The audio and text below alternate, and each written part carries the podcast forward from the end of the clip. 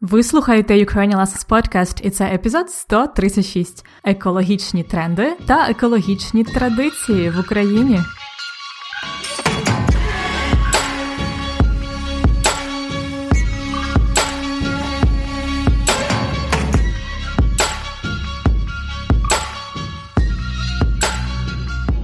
Привіт! Це Анна, ваша вчителька української, з новим епізодом подкасту Уроки української.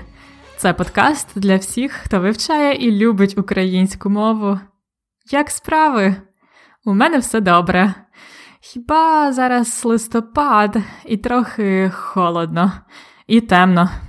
Якщо ви не знаєте, я зараз живу в Швеції, в Стокгольмі.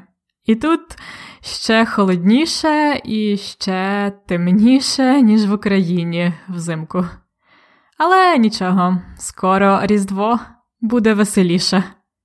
До речі, на українське Різдво, тобто на початку січня, я буду в Україні і, мабуть, е, буду переважно у батьків в полонному, але також буду в Києві. Було б чудово організувати зустріч слухачів подкасту десь так 5 січня приблизно. Або просто я була б дуже рада зустрітися з вами, якщо ви будете в той час в Україні. Дайте мені знати. Добре, а тепер перейдімо до теми уроку. Я вирішила розповісти вам щось про одне дуже актуальне питання питання екології. Бо зараз всі про це говорять. Ну і це досить важливо, правда? Майбутнє людство. Я подумала, що вам було б корисно знати певні слова, вирази українською мовою на тему зміни клімату. Тому у цьому епізоді зробимо все навпаки. Спочатку я вам дам список корисних фраз про екологію, а потім поговоримо про те, які в Україні зараз є екологічні тренди, а також які у нас вже давно є екологічні традиції. Отже, почнімо з корисних виразів. Зараз всі говорять про зміну клімату. Тобто, з певних причин клімат, погода стають е, інакші, ніж, скажімо, 100 років тому. Це називають зміна клімату. Переважно ця зміна пов'язана з таким явищем, як глобальне потепління. У всьому світі температура повітря піднімається, зростає. Це називається глобальне потепління. Чому розпочалося глобальне потепління? Багато науковців вважають, що це відбувається через людей. Діяльність людей спричиняє викид в атмосферу великої кількості вуглекислого газу. СО2 вуглекислий газ. Це ще називають вуглецевий слід. Це сукупність усіх парникових газів, які люди викидають в атмосферу. Вуглецевий слід. Чому ми кажемо парникові гази? Тому що вони спричиняють парниковий ефект. Парниковий ефект виникає тоді, коли сонячна енергія не може повернутися назад в космос, тому що її затримують оці гази в атмосфері.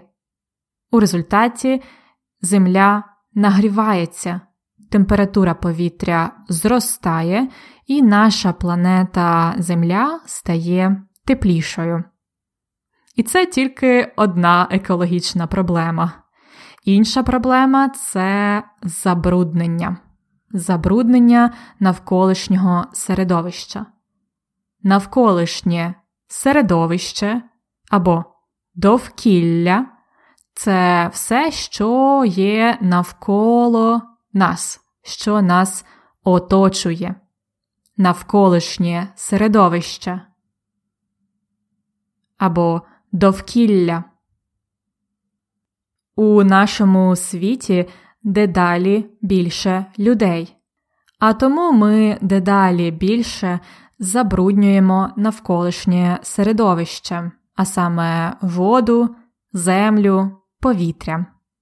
Велика проблема зараз це занадто багато сміття, яке викидає людина, особливо пластику. Деякі країни зараз намагаються зменшити кількість сміття через сортування сміття. Сміття сортують за різними категоріями, наприклад, скло, пластик, консервні банки і так далі. І далі певну частину цього сміття переробляють. Переробка сміття або вторинна переробка це коли сміття збирають е, в окремих групах і дають йому нове життя. Тобто переробляють сміття на нові речі чи, наприклад, на енергію. Це вторинна переробка сміття. Отже, тепер ви знаєте деякі терміни, які допоможуть вам підтримувати розмову про проблеми екології українською мовою. Так, повторімо їх: зміна клімату, глобальне потепління, вуглекислий газ, вуглецевий слід, парниковий ефект, навколишнє середовище. або довкілля, забруднення навколишнього середовища, сортування сміття, переробка сміття або вторинна переробка. Дати друге життя. А тепер поговоримо про екологію та Україну. Як ви думаєте, як українці ставляться до екологічних проблем? Насправді в Україні не так багато говорять про екологію, як, е, наприклад, в інших європейських країнах. Тому що, на жаль, в українців зараз є інші проблеми, про які треба думати це війна, економічні проблеми, безробіття. Тому це правда, що, наприклад, у нас не так багато екоактивістів чи екологічних організацій. У нас навіть немає в парламенті екологічної партії. І також у нас тільки починається сортування сміття. На жаль, е, поки що у 2019 році в Україні досить велика проблема зі сміттям, тому що у нас мало де є вторинна переробка сміття, і сортувати сміття досить проблематично, не завжди є можливість це робити. То як? Це означає, що в українців, як кажуть, моя хата з краю нічого не знаю. Пам'ятаєте з епізоду про прислів'я та приказки? Моя хата з краю нічого не знаю. Тобто, чи правда, що українці байдужі до навколишнього середовища, до довкілля? Ні, це неправда. Насправді, згідно з опитуваннями минулого року, 93% українців, тобто більшість, абсолютна більшість, вважають охорону довкілля важливим питанням. І тому, хоча у нас і не розвинена інфраструктура та технології для переробки сміття, наприклад, Хоча українці не можуть купити собі Теслу чи іншу електромашину. І хоча у нас просто немає грошей, щоб бути екологічними, в Україні все-таки є певні екологічні тренди. Тренд або тенденція це щось популярне. Ви знаєте ці слова, так? Ось, наприклад, цього року в Україні такий великий екологічний тренд це відмова від пластикових пакетів і кульочків. Знаєте, пластикові пакети, кульочки дуже популярні в Україні. Поки що. Зараз всі про це говорять, про те, що треба відмовитись від пластикових пакетів. Про це говорять у Фейсбуці, в Інстаграмі. Також різні маленькі компанії випускають багаторазові сумки та торбинки для фруктів та овочів. Багаторазові, тобто ви можете їх використовувати багато разів, багаторазові сумки та торбинки. Вони зараз дуже популярні. Інший тренд це не їсти м'яса або взагалі стати веганом, тобто перестати їсти всі продукти тваринного походження.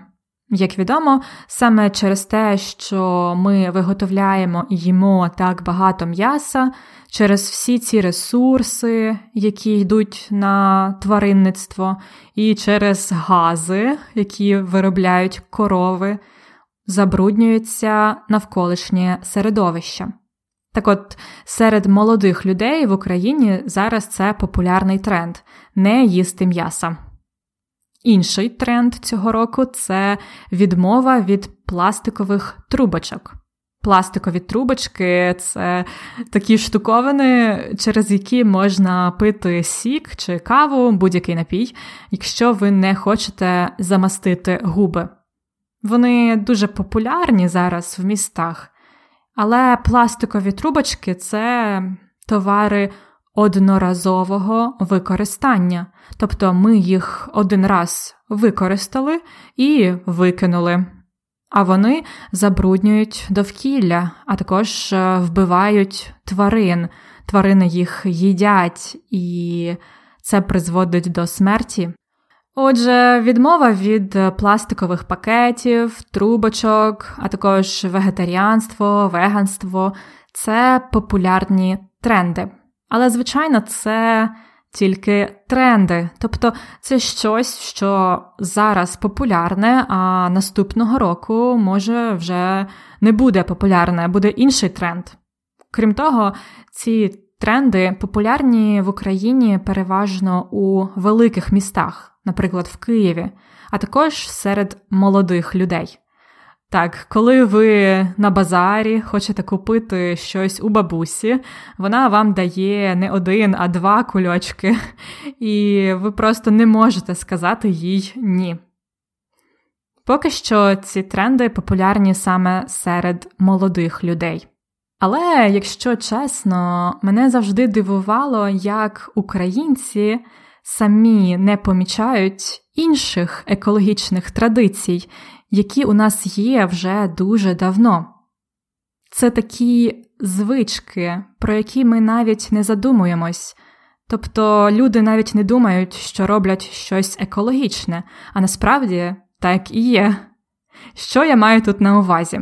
Ну, наприклад, це традиція купувати молоко і м'ясо прямо в людей, тобто у фермерів, які живуть в тому самому місті чи в селі купувати прямо від них, а не в супермаркеті з етикеткою. Ну, наприклад, мої батьки вони знають жінку, у якої є корова. Ця корова дає смачне молоко. Отже, мої батьки домовились, що ця жінка буде приносити їм молоко один раз на тиждень у вівторок, вранці.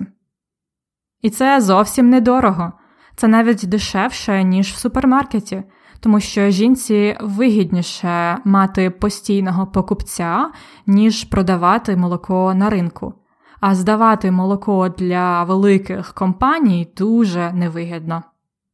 Так само у моїх батьків є жінка, яка продає їм мед раз на кілька місяців. Е, є також жінка на базарі, у якої вони купляють м'ясо. Ця жінка живе ну, в сусідньому селі, тобто дуже близько. А ще на роботі в моєї мами у школі деякі вчителі мають свої городи і садки. Вони вирощують різні фрукти, овочі, і коли в них їх багато, наприклад, в них дуже багато виросло моркви чи яблук, вони продають їх одне одному. Ну, що може бути екологічніше, так? По-перше, це місцеве, як кажуть, локальне споживання їжі.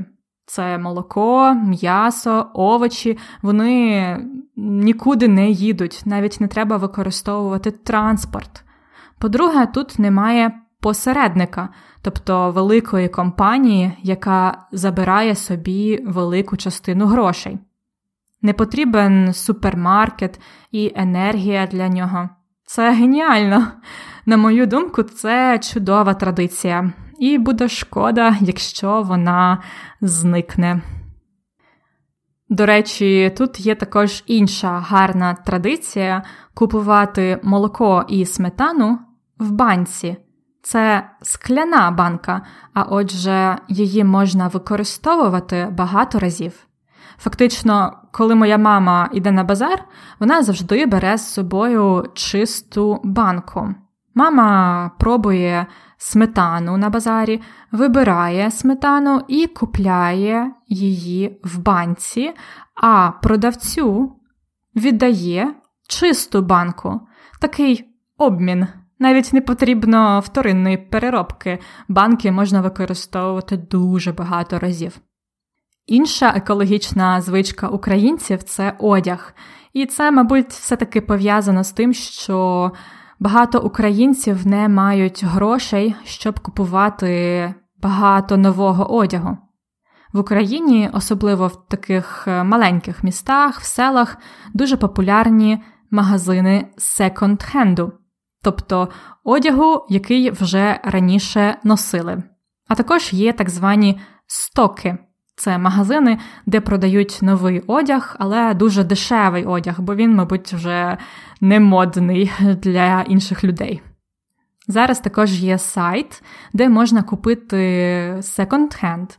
Я часто сама ним користуюсь. Це дуже зручно, там можна знайти справді класні і дешеві речі.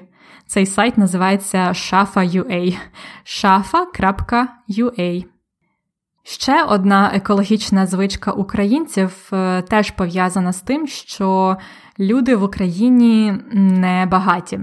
Це традиція пересуватися на велосипеді або пішки. Річ у тім, що далеко не кожен українець має машину. До речі, першу машину українці купують досить пізно, якщо порівняти з іншими країнами не раніше, ніж у 23, 24, 25 років. А в малих містах і селах машина це розкіш, тому дуже багато людей просто їздять на велосипеді. Це здорово і екологічно. У більших містах велосипедів менше, тому що там немає для цього інфраструктури. Ну і ще одна традиція, яка є дуже екологічною це мати свій город і садок. Багато українців вирощують овочі і фрукти. Це не просто хобі, а це для того, щоб мати свої овочі та фрукти, щоб їсти смачні продукти і не купляти їх. Як я вже казала, іноді ми навіть продаємо одне одному, якщо, наприклад, маємо багато картоплі, чи обмінюємо на щось інше. Може здаватися, що українці якісь несучасні, ніби у нас застарілі традиції. Але мені здається, це навпаки стає трендово мати власний город, їздити на велосипеді чи купувати молоко в скляній банці. Правда? Особисто я дуже ціную ці традиції. Частково, мабуть, за те, що вони екологічні. Взагалі, це дуже цікава тема. Тому, якщо ви хочете поговорити про це більше чи сказати, що ви думаєте про це, напишіть, будь ласка, в коментарях на Фейсбуці або на сторінці цього епізоду ukrainianlessons.com риска епізод 136. Мені дуже цікаво почути вашу думку.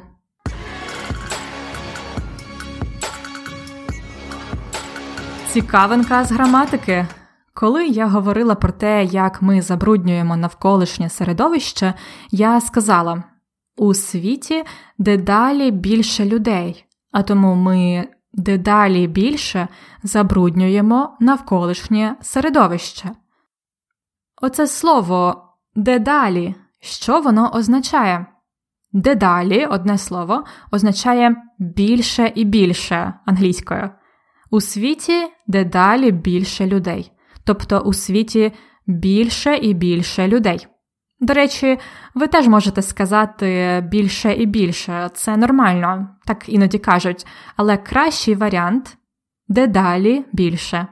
І ще інколи кажуть е, варіант схожий на російський все більше. Це теж нормально, ви можете почути, як люди кажуть все більше. У світі все більше людей. Але все-таки дедалі більше це кращий варіант. Слово дедалі вживайте з прикметником чи прислівником у формі вищого ступеня порівняння, тобто дедалі гарніша, дедалі більший, дедалі краще. З кожним епізодом ви дедалі краще знаєте українську мову ви дедалі більше розумієте, правда? Як завжди, таблиця на цю тему та вправи для практики є в конспекті уроку.